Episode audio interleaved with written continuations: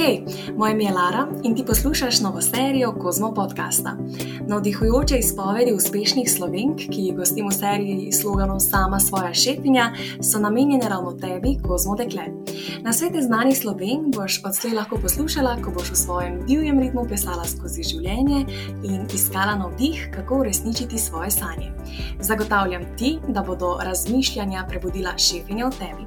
V sedmi epizodi gostim Marijo Milič, strokovnjakinjo za finance in ustvarjalko podcasta Money How. Marija je bila 13 let specializirana novinarka za področje osebnih financ, potem urednica in pa odgovorna urednica. Napisala je več kot tisoč člankov o osebnih financah, bila avtorica in urednica treh knjig. Hej, Marija, vesela sem, da si danes z nami. Ja, zdravo, zdravo, hvala za vabilo in super, zelo lepo vod. za začetek bi ti rada postavila vprašanje, kakšno je tvoje mnenje o odnosu slovencev do denarja? Ja, jaz mislim, da je še vedno denar tabu tema. Marsikdo se doma o tem ne želi pogovarjati. Tako da to za zaprtimi vrati se mi zdi, da je kar ena taka vroča tema. Marsikdo, um, seveda, svojih finančnih težav. Eh, ne želi razgaliti niti svojemu partnerju, oziroma o finančnih zagatah ali pa dilemah, se ne želi niti s partnerjem o tem pogovarjati. Eh, Zvedela sem celo, da marsikdo ne razkriva svojemu partnerju eh, višino plače. To je v bistvu kar tako malce presenetljiva ugotovitev, glede na to, da živimo v neki skupnosti skupaj, da gradimo neko skupno prihodnost. Se mi zdi pomembno, da se o takih stvarih tudi pogovarjamo. Opazila pa sem tudi, oziroma raziskala, raziskave so tudi pokazale, da tam po 40-45 letu, ko otroci odidejo od doma, uh, pridejo na plano tudi te težave, um, ravno. Um, Partnerji, uh, ravno ta pogovor med partnerji, ki nikoli ne steče o financah, je lahko tudi povod za to, da zakonska zveza, recimo, razpade. Um, največja težava, ki jo jaz vidim, pa je v tem, da v bistvu tudi otrokom ne znamo predajati tega znanja. Uh, pogosto se tem tematikam izogibamo, ker pač nismo opremljeni s tem znanjem in nekako se ne čutimo za dost kompetentna, da bi to znanje potem tudi otrokom predale, predali. Težava pa je tudi v tem, da naši otroci potem nekako odraščajo v tej nevednosti in potem, ko enkrat pridejo vem, na faks, um, se prvič resno soočajo z nekimi finančnimi izzivi, recimo, vem, kako si plačati študenta ali pa uh, položnico za telefon ali pa mogoče vem, hrano v trgovini in podobno. Ne. Mislim, da veliko študentov potem uh, spozna to na lastni koži in nekako poskušajo potem preko raznih družbenih omrežij pridobiti različna znanja. To pa zna biti tudi uh, mogoče malce nevarno, če lahko tako temu rečem. Uh, zaradi tega, ker um, veliko informacij kroži in moramo znati nekako preceniti, ali so te informacije v našo korist ali ne. Tako da jaz mislim, da Slovenci še vedno nismo finančno pismeni, uh, počasi se sicer nekaj spremenja na tem področju, opažam izredno velik interes tudi med mladimi, da se želijo učiti o teh temah, vendar, ko pa pridejo do malo bolj zakompliciranih tem, kot je recimo investiranje, uh, se mi pa zdi, da jih nekako motivacija tudi kar hitro mine. uh mhm. -huh. Ja, se strinjam in tudi jaz sem mnenja, da bi mogli mogoče um, to neke, neko učenje v financah že prej uvesti v ta izobraževalni sistem, ne pa da se recimo sami naučimo šele potem, recimo v nekih študentskih letih, ampak da bi moglo to že dost prej priti v naše nekakšne um, učne sisteme. No?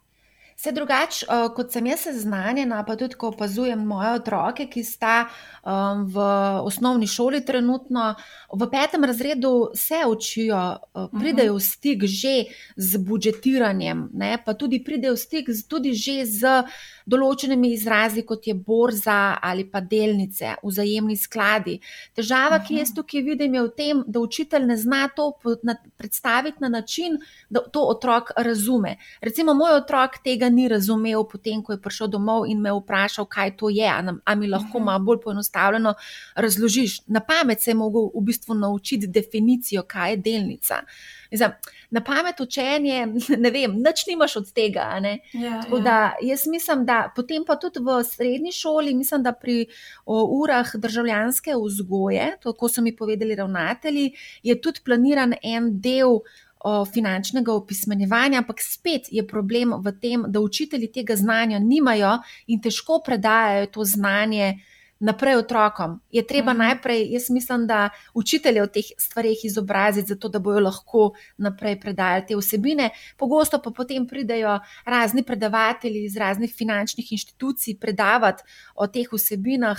Žal pa veliko krat tudi zelo um, recimo pristransko, nekorektno um, predajo te vsebine naprej. Da, uh mhm. -huh. To se mi ne zdi v redu. Jaz mislim, da je potrebno, da je ta vsebina stotodstotno neodvisna in pa predvsem transparentna, kar se tiče vsega. Ja, žal ja. tega pač ne dobimo te informacije. Ne uh -huh. v mhm. odraslem svetu, kaj šele v šoli. Uhum, se strinjam, zato se pa potem mladi največ poslužujejo vem, družabnih omrežij, potem uh, spremljanje kakšnih podcastov, recimo Money How je dober, uh, zato da pač se tudi mladi malo uvedejo v ta uh, finančni svet. Tako da super, da pač imajo tudi možnost uh, prek teh uh, družbenih omrežij slediti temu. Uh, zdaj pa zanima, kako sploh lahko postanemo finančno pismeni. Ja, to je v bistvu proces, z danes na jutr se ne bo nič zgodilo, tako kot recimo z drugimi oblikami pismenosti, ne se ni samo finančna pismenost. Ne. V to je treba investirati čas, um, treba je konstantno se izobraževati. Jaz mislim, da finančno pismen lahko postamo, postanemo samo z izobraževanjem. Jaz mislim, da bi se ta proces moral začeti že zelo zgodaj, kajti že otroci v vrtu pridejo v stik ali pa še, še prej, pridejo v stik s pravljicami, ker v bistvu nekako se izpostavljajo neke socialne razlike, govori se o nekem premoženju, govori se o plemičih, govori se o, o zlatnikih, lepih gradovih, o bogatih ljudeh, ne na eni strani in revnih ljudeh na drugi strani. Ne, že takrat bi v bistvu morali otroku na nek način, seveda, če izkaže interes, pojasniti kaj to, kaj to je, kaj, kaj je v bistvu denar in kako v bistvu denar vpliva na naša življenja.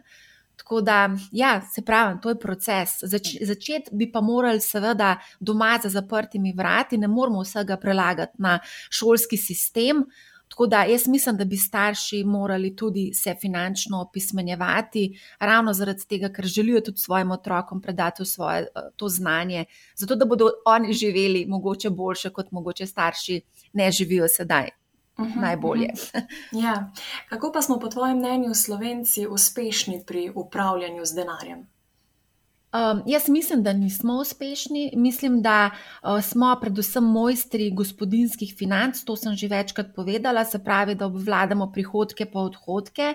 Kar se pa tiče investiranja, se mi pa zdi, da investiramo takrat, ko se zelo veliko govori o, o lepih donosih, takrat v bistvu postanemo tudi zelo pogumni in stopimo potem na te borzne trge. Uh, veliko krat stopimo uh, prepozno, oziroma ob nepravem času.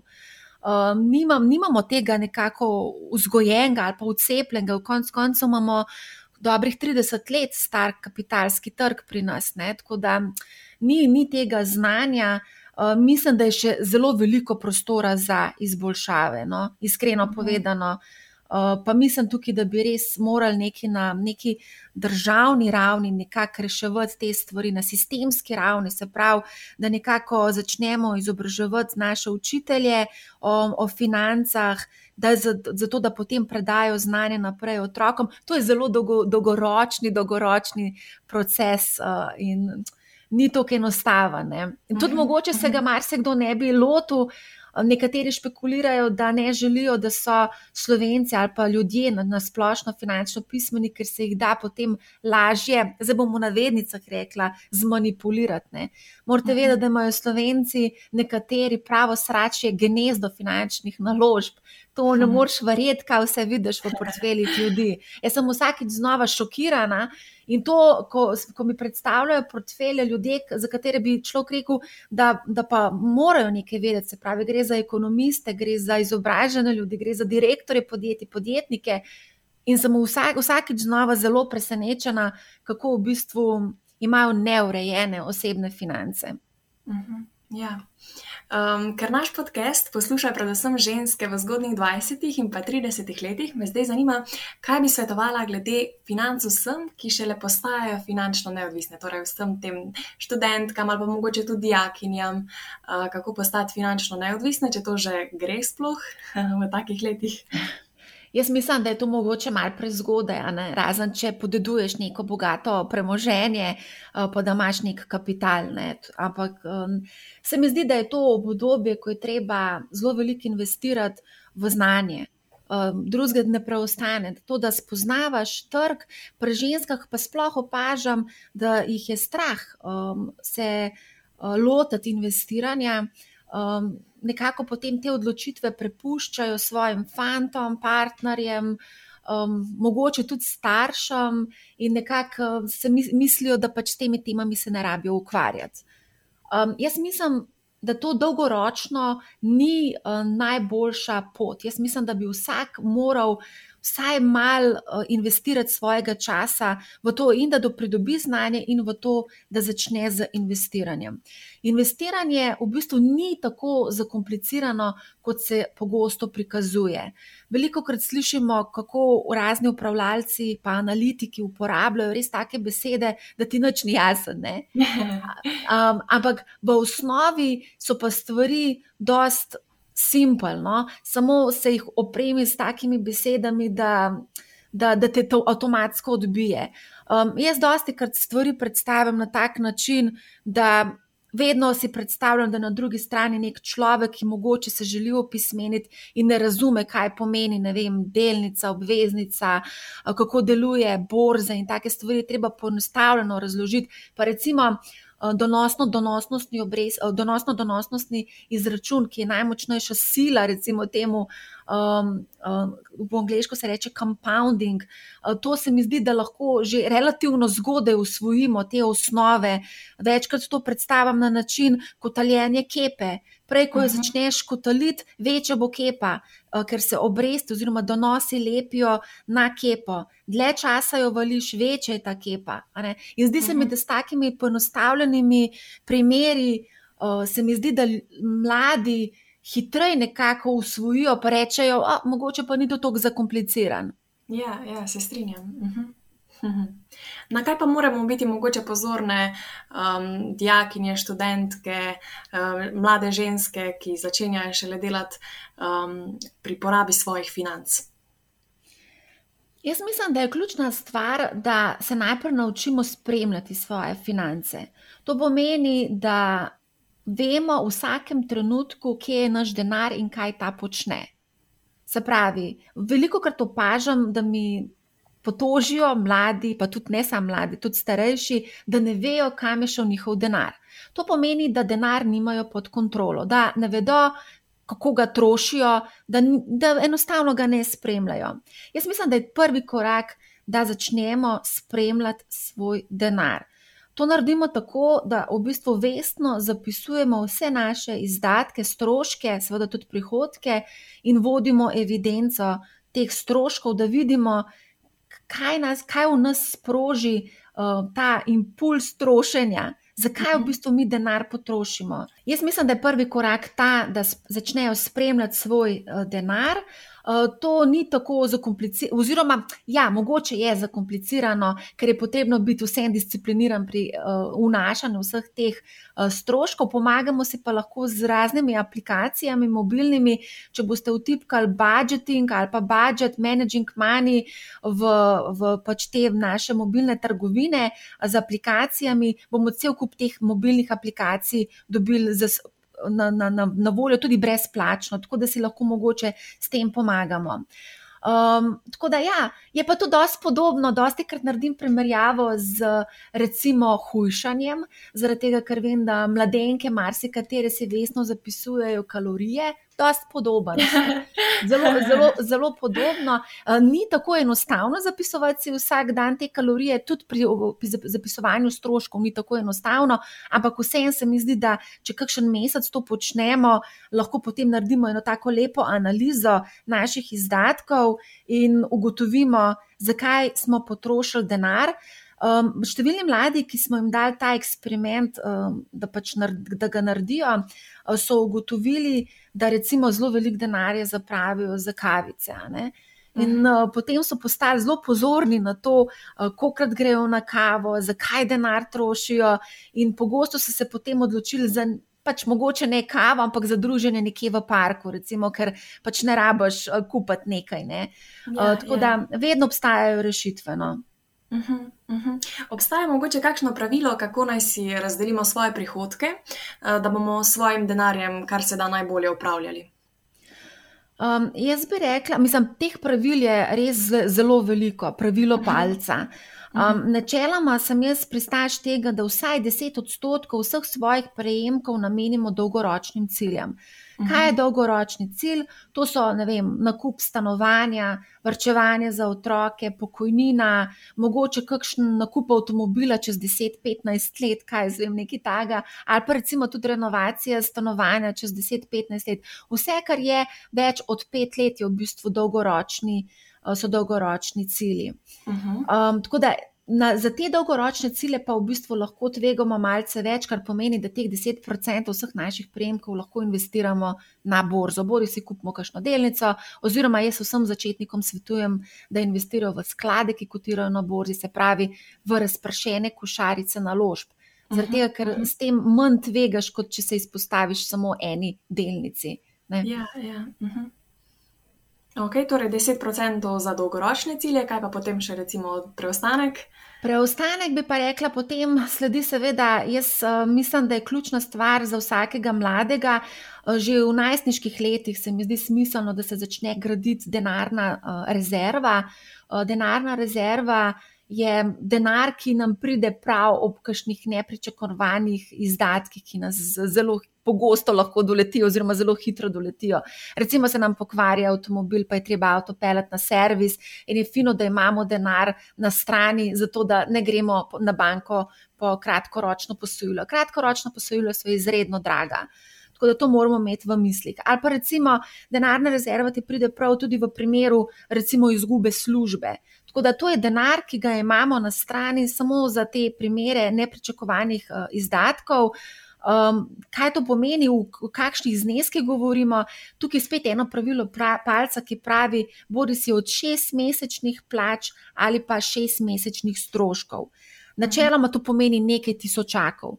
In zdaj to denarno rezervo je zelo težko zgraditi uh, mislim, težko. Marsikdo se temu zelo upira, potem, ko se zaposlijo. Zato jaz vedno spodbujam najstnike, da naj že razmišljajo o tej denarni rezervi, ki jim bo zelo prav prišla, ko bodo tam, ne vem, 30 plus let. Uh, um, Imeli, uh, zaradi tega, ker pač uh, teže potem oblikovati to denarno rezervo, ker imaš cel kup drugih nekih izdatkov in ja. razmišljaš mhm. vem, o tem, kako boš vem, financiral vrtec ali pa kupil stanovanje, kupil avto in podobno. Ne? In zlata mhm. rezerva oziroma denarna rezerva ni ta prva stvar, na katero bo ja. Želel pomisliti. Ja, uh -huh, res je. Ampak kako pa lahko recimo mladi, ki vstopajo na trg dela ali pa študenti, uh, privarčujejo, ker ponavadi to niso ravno neki zelo veliki zneski, ampak so to verjetno manjši zneski. Ja, jaz mislim, da s tem, ko vodimo svoje finance oziroma stroške, zelo hitro najdemo prostor, oziroma zelo hitro lahko najdemo prihranke. In te prihranke potem, kot rečeno, lahko investiramo tudi na kapitalske trge. Danes moramo vedeti, da je zelo um, enostavno lahko dostopamo do borze in tudi ni potrebno imeti prav veliko denarja. Recimo za investiranje v neke delnice, ni potrebno kupiti celo delnico, lahko kupimo samo frakcijo delnice. Mhm. Potem, mhm. recimo, to temu se reče frakcijsko trgovanje, oziroma pač. Ne, neka delnica lahko stane po več tisoč evrov, ne, in če ti, če ti verjameš v obstoj tega podjetja in želiš biti delničar, oziroma kupiti delnico tega podjetja, pa nimaš 3000 evrov, lahko kupiš vem, odstotek te delnice. Um, potem, uh, z, potem, seveda, uh, že z manjšimi zneski, 20-25 evrov, lahko investiramo recimo v vzajemne sklade, um, potem lahko investiramo tudi v sklade, ki kotirajo na borzi. Tako da že z manjšimi zneski se da uh, nekaj narediti. Um, tako da, če pa mislite, da vsem premalo, da, da, da nimate za dost, uh, recimo na, na mesečni ravni prihrankov, pa lahko se odločite za investiranje um, vem, na vsak kvartal ali pa vsake pol leta ali pa enkrat letno. Važno je, da začnemo boljš prej, kot kasneje, iskreno ja, povedano. Ja, super. Uh -huh. uh, kje pa je po tvojem mnenju najbolje hraniti denar? Če ga verjetno hranimo na tekočem računu na banki, potem donosa denarja verjetno ne bo. Ne, na banki ne moremo, ne, ne moremo pričakovati, da bomo ustvarili neke ja. donose. ja. Večemo, izgubljamo realno denar, mhm. zavedati se je treba, da imamo povečano, trenutno imamo povečano inflacijo, ampak tudi načeloma, tudi v, v nekih normalnih okoliščinah je naša inflacija okrog dveh odstotkov. Zdaj, če denar kopičimo na banki in ga ne plemenitimo, to pomeni, da v bistvu naš denar realno izgublja na vrednosti. Um, inflacija je požrešna pošast, tega se je treba zavedati, zato je pomembno, da za dolgoročne cilje um, denar investiramo na borzo. Um, in dos, na borzi lahko namreč dosežemo na dolgi rok uh, donose više od inflacije. Tako da mhm. je treba v tem kontekstu razmišljati, dolgoročno je treba razmišljati, ker marsikateri mlad. Človek si nekako želi zelo hitro do zaslužka. Ona tudi videli smo kar nekaj zgodb mladih, ki so zelo hitro obogateli, uh, ravno zaradi uh, pač trenutne situacije, oziroma situacije zadnjih deset let, imeli smo uh mhm. -huh. razvoj kriptovalut in bikovski trend, se pravi, res lepe rasti na borzi smo imeli, tako da se je dal tudi ustvariti kar lepo premoženje, vendar. Je treba vedeti, da to je vse skupaj zadnjih 13 let, 10, več kot 10 let, uh, so borzni tečaji res lepo rasli. Kaj bo pa v prihodnosti, pa ne moramo vedeti. Uh mhm, -huh, Tako da uh -huh. Ampak na dolgi rok bi jaz rekla, na 20-30 let uh, je seveda borza tista, kjer pač moramo nekako stremeti k temu, da investiramo naš denar. Uh mhm. -huh. Kako se pa spopasti s tem, da v bistvu je tudi ta tvoj uh, kapital, ki ga vložiš, tvegan, če ga daš na borzo, oziroma če ga kamorkoli vložiš? Ja, zato je pa treba seveda se zavedati tudi tega tveganja. Um, borza um, načeloma nekako če želimo zmanjšati to tveganje, um, se nekako priporoča investiranje v razpršene košarice. Oziroma, bom tako rekla, pomembno je, da razpršimo naše premoženje. To pomeni, da ne stavimo na enega konja, torej ne stavimo na eno delnico, ne stavimo samo na eno regijo, ampak da imamo razpršeno, recimo globalno razpršeno. To pomeni, da s tem tudi zmanjšamo v bistvu tveganje. Um, ja, investiranje je v bistvu obvladovanje tveganj in če ima. In seveda se je treba zavedati, nikoli ne vemo, uh, kaj se bo zgodilo v prihodnosti. Zato je tudi pomembno vedeti, da um, pretekli donosi niso garancija za prihodnje donose. Um, vedno lahko pride do neke situacije, ko se zgodi, da vem, borza borzni tečaj upade tudi za 60-70 odstotkov. Videli smo tudi 90 odstotne upade konkretnih, recimo, delnic. Ne. Zdaj, če ti staviš vse na eno delnico, je tvoja, tvoja, tvoja izpostavljenost do tega tveganja precej večja, kot če recimo investiraš v nek, neko razpršeno, kot rečeno, razpršeno košarico naložb. Se pravi, ti lahko z eno investicijo kupaš, vem, 500 največjih ameriških podjetij ali pa nekaj tisoč globalnih podjetij. To se mi zdi, da je en tak način, kako lahko obvladuješ ta tveganja, pa seveda v to zgodbo je treba iti dolgoročno. Zdaj, če uh -huh. greste na kratek rok, ne, tukaj je res. Nikoli ne veš, kaj se bo zgodilo čez eno leto ali pa čez par let. Ne. Zato je te zgodbe treba iti dolgoročno.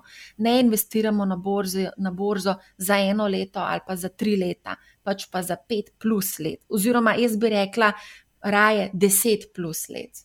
Uh -huh, uh -huh. Kako se pa recimo odločimo, v katere delnice bi investirali?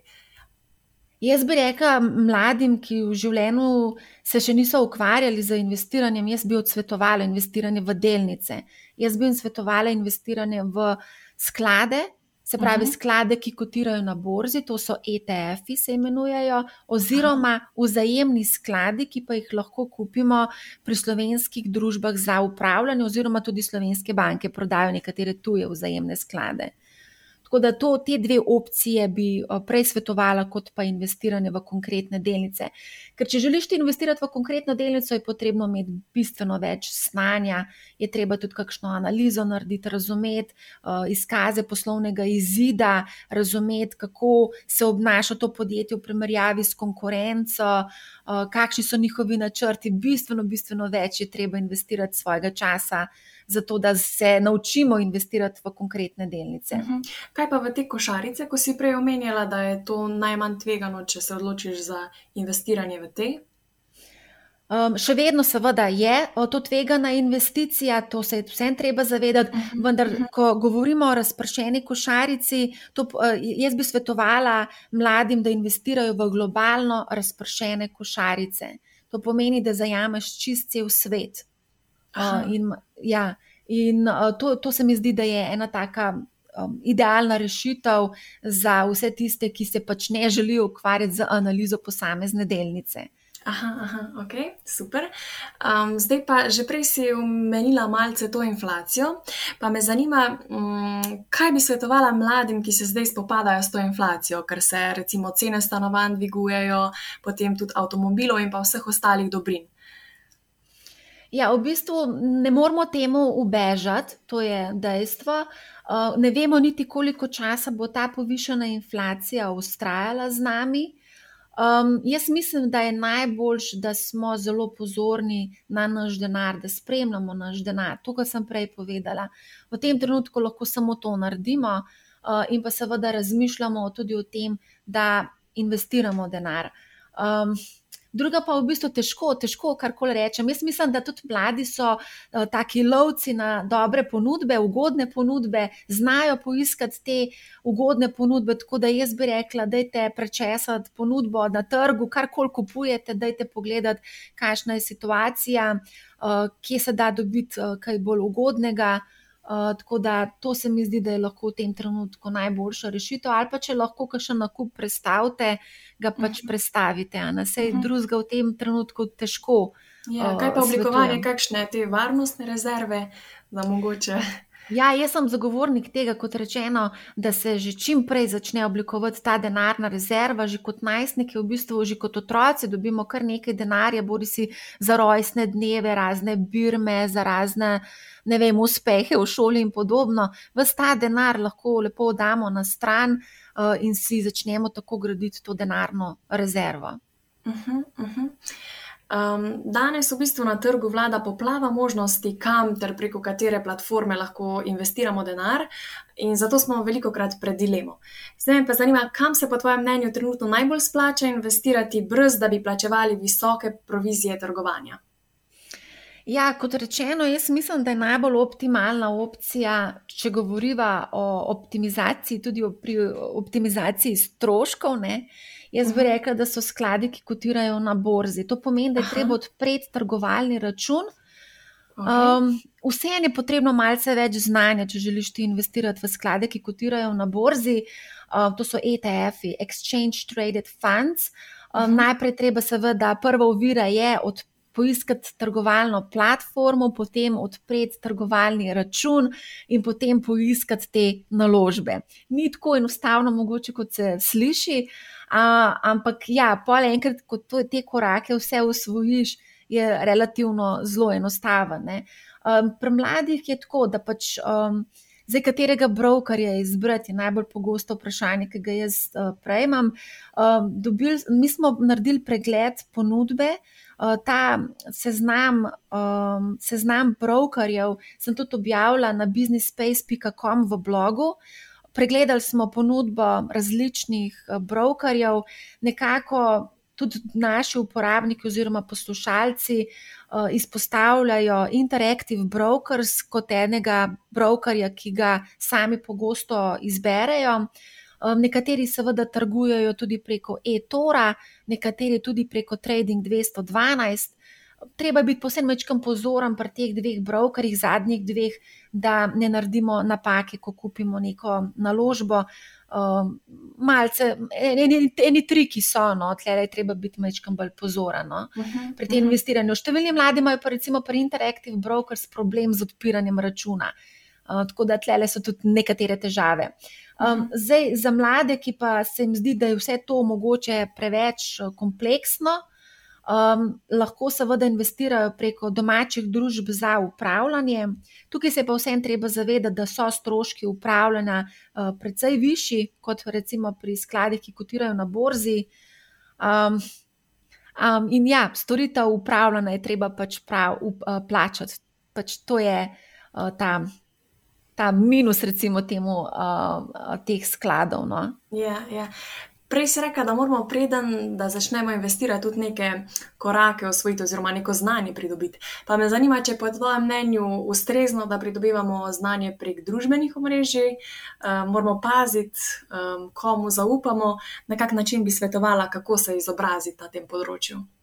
Ja, um, zdaj. Na družbenih omrežjih res je veliko YouTuberjev, pa tudi na TikToku, um, posameznikov, ki govorijo o investiranju. Uh, gre predvsem za mlade, ki v bistvu še nikoli v življenju niso okusili nobene resne finančne krize. Uh, tako da nekako jahajo ta bikovski val, ki traja že od leta 2009 imeli so nekateri tudi kar precej veliko sreče, nekateri uh mhm. -huh. celo imajo tudi znanje, se ne rečem, da ga nimajo, ampak pri teh je vsem potrebno biti mogoče majčkam previden. Um, Ne, ker tudi veliko krat izpostavljajo najbolj vroče naložbe, in zdaj ali je najbolj vroča naložba tudi najboljša naložba, je pa druga, o, drugo vprašanje.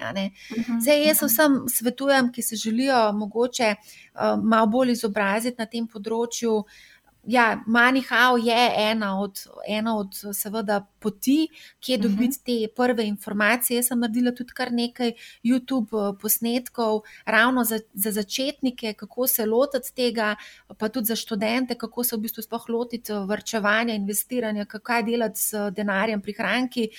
Um, to sem v bistvu, zdi se mi pomembno, da smo pri, teh, eh, pri prenosu tega znanja zelo uh, transparentni, da predstavimo vse možnosti. Žal to ne počnejo vsi, iskreno ja, povedano, ja. izpostavljajo samo eno možnost. Jaz sem se pač odločila, da bom izpostavila vse možnosti, uh, ki so na voljo mladim. Tako da mhm. mogoče lahko to je ena od poti, um, je pa drugače priporočam vsem, da uh, karkoli ne razumejo, uh, da preverijo, uh, da poiščejo informacije na Investopediji. Mislim, da je to ena taka. Zelo, zelo bogat nabor informacij o investiranju, um, o razloženi so čisto vsi pojmi, um, na katere v bistvu naletimo, bori se v kakšnih filmih ali pa na TikToku ali pa kjerkoli, tam dobiš res eh, poenostavljeno razlago, tako da ti je res jasno. Eh, je pa v angleščini, ampak jaz mislim, da če želimo investirati bodi si v kriptovalute ali pa v delnice ali pa v ETF-e, eh, moramo vsem tudi usvojiti ta jezik. Ne. Mhm, Zdaj, v mhm. slovenščini literature pa v bistvu niti ne bi priporočala. Um, obstaja cel kup sicer nekih uh, knjig, ki so uh, napisane, pač, um, so jih napisali ameriški avtori. Uh, jaz te knjige vidim bolj kot motivacijske, da spodbudijo mlade ali pa nasplošno ljudi k temu, da začnejo razmišljati o investiranju. Zelo težko pa prenesemo nekatere njihove prakse v naše okolje. Recimo, jaz si težko predstavljam, da bi Slovenci, tako kot v Ameriki, da bi investirali v nepremičnine. Uh -huh, uh -huh. To, mislim, mi imamo celo proceduro, kako pridemo do kredita, v Ameriki so pa ma, malo drugačna pravila in ja, tega mi ja. ne moremo v bistvu. Pri nas rabiš kapital, zato da ti investiraš v nepremičnine, v Ameriki pa je zgodba malce drugačna. Ampak mhm. vseeno so tudi nekatera pravila eh, v teh knjigah, ki jih lahko nekako poslovenimo. No, bom tako rekla. Mhm, super, super. Torej, rekla si, Manihau je dobra priložnost in pa Investopedija, uh, pa tudi poznavanje angleščine, ker pač, če tega ne poznaš, tudi zelo težko investiraš. Mislim, omejene informacije dobiš v slovenskem jeziku. Ja, ja. Žal je temu tako, da, da so zelo omejene, zelo prikrojene. Um, tako da jaz mislim, da je najbolj, da itak vsi govorimo angliško, vsi gledamo Netflix, uh, Amazon Prime in druge kanale, vsi gledamo YouTube, vsi gledamo uh mhm, -huh, TikTok uh -huh, in ne mhm. gledamo samo slovenske izvajalce. Tako da. Ja. ne vem. Jaz bi recimo priporočila še eno knjigo, ki jo tudi najdemo na spletu, brezplačno, sam je treba mečkam pobrskati. To je Personal Finance od uh mhm. -huh. avtorja Jeff Madura. Res dobiš, res veliko informacij dobiš notri, ampak to ni knjiga, ki bi bila motivacijska, je bolj recimo temu učbenik. No? Ampak nekatere stvari je pa pač treba po učbeniško nekako obdelati, recimo temu tako. Ja, ja, ja, itak. Um, pred časom so zelo postale tudi uh, aktualne te uh, kriptovalute, pa me zanima, kako lahko investiramo v kriptovalute in ali se tebi zdi tudi to primerna investicija. Ja, tukaj so različna mnenja. Kriptovalute dejansko tukaj so in očitno bodo tudi ostale. Najstarejša je Bitcoin, uh, seveda tudi Bitcoin in Ether imata največji, recimo, temu tržni delež, sta največja. Zdaj, investiranje. Ja, številni uh, finančni strokovnjaki pravijo, da, ja, da mladi če, če um, se zavedajo, kakšne so tveganja na tem trgu, um, da, ja, da lahko investirajo del svojega premoženja tudi v kriptovalute. Tudi jaz sem zagovornik tega, zakaj pa ne. Jaz mislim, da tukaj zelo pospešeno lahko usvojiš nekatere lekcije, ki jih na borznem trgu rabaš tudi po desetletja, traja, da usvojiš te lekcije, tukaj na kriptotrgu se pa dogaja vse svetlobno hitrostjo. Um, je pa res, treba se je zavedati tvegan. Tukaj lahko v nekem momentu res veliko zaslužiš, v drugem momentu pa tudi veliko izgubiš. Oziroma, lahko tudi vse izgubiš. Zdaj, zelo mhm. veliko se izpostavlja zgodbe zmagovalcev, oziroma bom rekla, teh, ki so veliko zaslužili, premalo se pa govori o teh, ki so izgubili. Oziroma, teh ja, zgodb ja. se ne mhm. izpostavlja. In to mi je v bistvu zelo žal, zaradi tega, ker ravno te zgodbe so tiste, ki ti dajo, mi se na napakah učimo. Napake so tiste, ki nam dajo največjo največjo dodano, največje znanje so v bistvu dobimo prek, ravno preko napak. Um, tako da nič narobe, če kdaj kiksnemo. Um, bi pa vseeno tukaj rada opozorila, da tukaj so tveganja, ki so precej uh, velika, uh, tudi nihanja so precej velika in se te, tega treba uh, zavedati. Um, Zdaj, tisti, ki res niso nagnjeni k tveganju, bi odsvetovala to, to investicijo. Se pravi, da če bi recimo upadel tečaj za 70 odstotkov in bi ob tem doživeli infarkt, ne, potem vam odsvetujem, da greste v to zgodbo, ker tam so nihanja lahko kar precej brutalna. Um, Kar se pa tiče delnic, ne, tudi tukaj, recimo, dedek dolgoročnega investiranja Warren Buffett recimo, pravi, da če nismo sposobni sprejeti 50-odstotnih upadov, recimo on konkretno odsvetuje investiranje tudi v delnice. Uh mhm. -huh. Tako da, ja, -huh. moramo se zavedati, da so usponi in padci na obeh trgih, ne, ampak na kriptotrgu so pa še bolj boleči. In opažam tudi, da številni mladi, recimo, so 100-odstotno izpostavljeni do kriptovalut posledično imajo pa tudi kar malo težav s spanjem, pa z želodcem. Sem slišala, da imajo tudi nekatere težave. Tako da, ne vem, jaz sem zagovornik tega, da se razprši na različne, ja, ja. v različne -huh. naložbe. Uh -huh. Obstaja mogoče kakšno pravilo, recimo, kolikšen delež svojih prihodkov nameniti za vem, investicijo, da potem ta ni preveč tvegana, da se ti potem na svojem premoženju to ne pozna preveč? Za v kriptovalute? Ja, ali pa tudi pač v ostale um, stvari.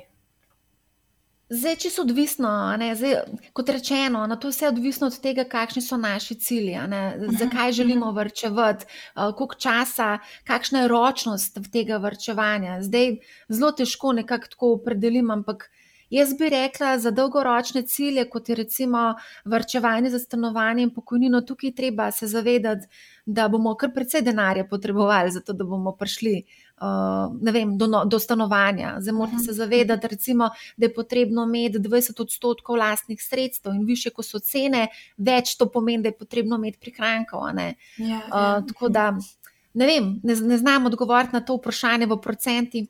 Procentih, ampak bi rekla, da je treba imeti, kot rečeno, 10 odstotkov, takoj, ko dobimo na račun denar, bi moralo romati za to dolgoročno vrčevanje.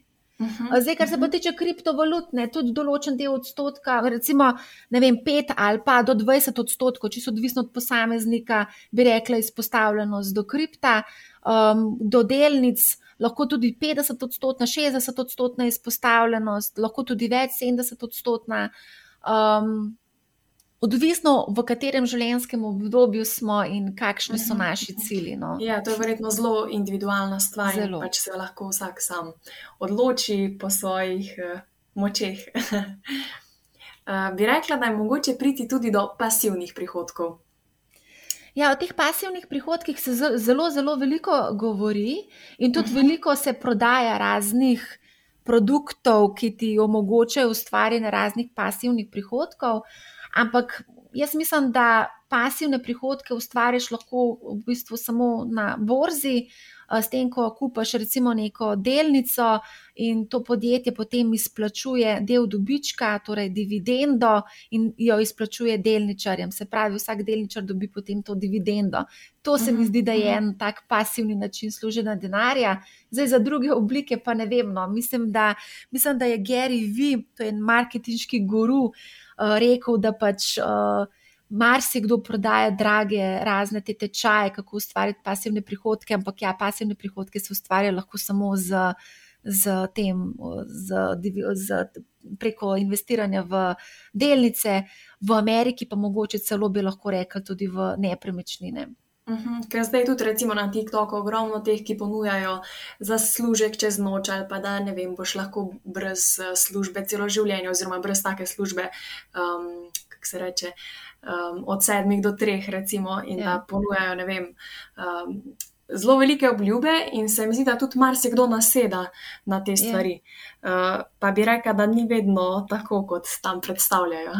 da ni res vse v tem, da lahko ti pasivne prihodke dobivaš uh, s tem, da pač res nimaš nič za delati z njimi. ja, uh, tako le, Ana, se ta, takšne obljube, to, to, to ni nekaj novega. Ne? To je v bistvu, zdaj, so, zdaj te obljube se samo, pač nov, nova platforma je, ker yeah, v ja, bistvu yeah. Ja. jim omogoča, da v bistvu prodajajo to prazno slamo. Na marsikdo yeah. Ja. nasede in na koncu v bistvu plača tudi visoko ceno za to. Uh, tako da vsakeč, ko rečete, it's too good to be true, je verjetno nekaj res v ozadju, da je treba biti zelo pozoren.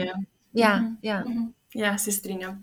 Zdaj pa smo ti za na konec na kozmo uredništvu pripravili še nekaj hitrih vprašanj, na katere odgovori tisto, kar ti najprej pade na pamet. Katero knjigo o financah bi priporočala vsem kozmo poslušalkam? Ha, ja. Kot rečeno, jaz ne bi knjige, jaz bi Investopedija. Investopedija je res bogata zakladnica vseh živih informacij, sproti se dopolnjuje z vsemi aktualnimi stvarmi, tako da definitivno Investopedija. Če pa že rabim knjigo, izpostavljam bi pa res tega Jeff Madura, Personal Finance. Um, ja, je bolj učbeniška varianta, ampak ne vem, se mi zdi, da zelo veliko informacij lahko tukaj dobiš. Super. Kdaj si sama začela varčevati? Ja, to je pa že zelo dolg čas nazaj, uh, eh, 15 in plus uh, let, ne vem koliko, kar nekaj let. Uh, zdaj, ko, ko, ko govorimo o investiranju na borzo, kar se tiče tega vrčevanja, sem že kot uh, otrok ne v bistvu vrčevala v raznih teh uh, hranilnikih in podobno. Tako da, ne, kar se pa tiče investiranja, pa mislim, da že več kot 15 let. Uh, mislim, da to so me enkrat sprašvali. Mislim, da je bila ta prva moja naložba, investicija v, mislim, da je bila delnica Krke. Oh, super. Ja, ja. Kar seveda zdaj ne morem, zdaj ne bom rekel, da jo priporočam za nakup, da ne bo pomota. Ja, ja. Da, takrat, ko sem jaz začela investirati, je bilo bistveno težje dostop do borze, tako da sem v bistvu potem investirala tudi v vzajemne sklade preko domače družbe za upravljanje. Uh -huh, uh -huh. Če bi v srečki zadela nekaj tisočakov, kaj bi storila zdaj z njimi? Težava je v tem, da je srečka niti ne bi kupila. Verjetnost tega zadetka je izredno minimalna. Mislim, da, je, da je večja verjetnost, da, se, da te zadane strela, kot pa zadetek na loteriji. Ampak ja, tisočaka bi definitivno investirala v neko globalno razpršeno ali pa recimo mogoče celo eh, neko košarico na ameriške delnice. Mhm, Mogoče celo tehnološke delnice. Zakaj pa ne? Zdaj so, mhm. zdaj so se malo pocenile. ja, e, zdaj pa še zadnje, najboljši na svet, ki si ga kadarkoli prejela, je. Um, v bistvu sploh ne vem, uh, če sem čisto iskrena, um, najboljši na svet. Kako stalo z drugih področji, ne samo iz področja financ. Ma stalno prejemam neke nasvete. Mogoče lahko rečem to, da se mi je zdelo, um, obkrožajo me res različni ljudje z različnimi pogledi na življenje, na različne prakse, imajo različne prakse in to se mi zdi, da te stalno spodbuja k temu, da tudi ti gledaš na življenje mogoče malo drugače, mogoče. Um, fajn je, da te obkrožajo ljudje z različnimi mnenji, zaradi tega, ker konstantno v tebi, iz, konstantno v tebi izzovejo, te challengeajo, da tudi ti mogoče kakšne stvari, v katere si ti sto odstotno prepričan, ali pa 99, mogoče malo premisliš. Zdi se mi, da recimo to sploh, ko googlamo. Ne? Google nam vedno potem daje zaradi tega algoritma take oglase ali pa take, take vsebine, ki nas v bistvu ki podpirajo naša prepričanja. Če pa si obkrožen z ljudmi, ki malo drugače razmišljajo kot ti, se mi zdi, da potem konstantno nekaj migaš, pa razmišljaš, pa ne, vedno iščeš neke rešitve, drugačna mnenja. Zdi se mi ta širina, da je najbolj ključna uh, danes, žal, žal pa živimo v takem svetu. Tudi, recimo, če greš na TikTok ne, in če se zadržiš pri enem videu, malo dlje časa, uh, hitro opaziš, da ti ponuja potem kar precej podobno vsebino. Uh -huh, ne, zdaj, če gledaš kuške, se ti bojo skozi kuški prikazovali. Isto je yeah. Ja. recimo na Googlu. In zato je fajn, da imaš vedno nekoga, ki ti reče, kaj pa če bi mogoče pogledal nekaj drugega to se mi zdi, da, da, da je fajn, da se obkrožamo z ljudmi, ki imajo drugačno mnenje od našega, našega mnenja. Ja, uh-huh, se strinjam. Ker pa se tudi recimo, izogneš temu algoritmu, da bi ti pač same iste stvari uh, se dogajale v življenju, ampak res ti vse čas pred nekimi novimi izzivi. Ja, težko se mi zdi, da se izogneš temu algoritmu. Ja, no, ja. Ampak, ja, če imaš pa nekoga, ki ima mogoče malo drugače naštiman kot ti, ne, pa mogoče, če se dobite na kavi in vidite, da je pogled moj drugačen, njegov pogled drugačen, in že takoj dobiš v bistvu dve dodatni informaciji. Tako se mi zdi, da nekako bogatiš svoje znanje, uh, pridobivaš različna, drugačna mnenja. To se mi zdi ključno, da, ja. imamo, da smo obkroženi z ljudmi, ki jim zaupamo. Uh, Eh, ki, ki, ki imajo drugačno mnenje in ki nas stalno challengeajo, da razmišljamo drugače tudi mi. Mhm, ja, in spet, da so lahko mogoče in eno in drugo mnenje pravilno, recimo, ker šestka in devetka lahko iz uh, druge smeri izgledata čist drugačena. ja, ja, mislim, ja, ja, zakaj pa ne? Super. Marja, najlepša hvala, da si bila danes moja gostja. Zdi se mi, da si nam predala zelo veliko nekih dobrih nasvetov. Uh, tako da najlepša hvala in pa adijo. Hvala, adijo.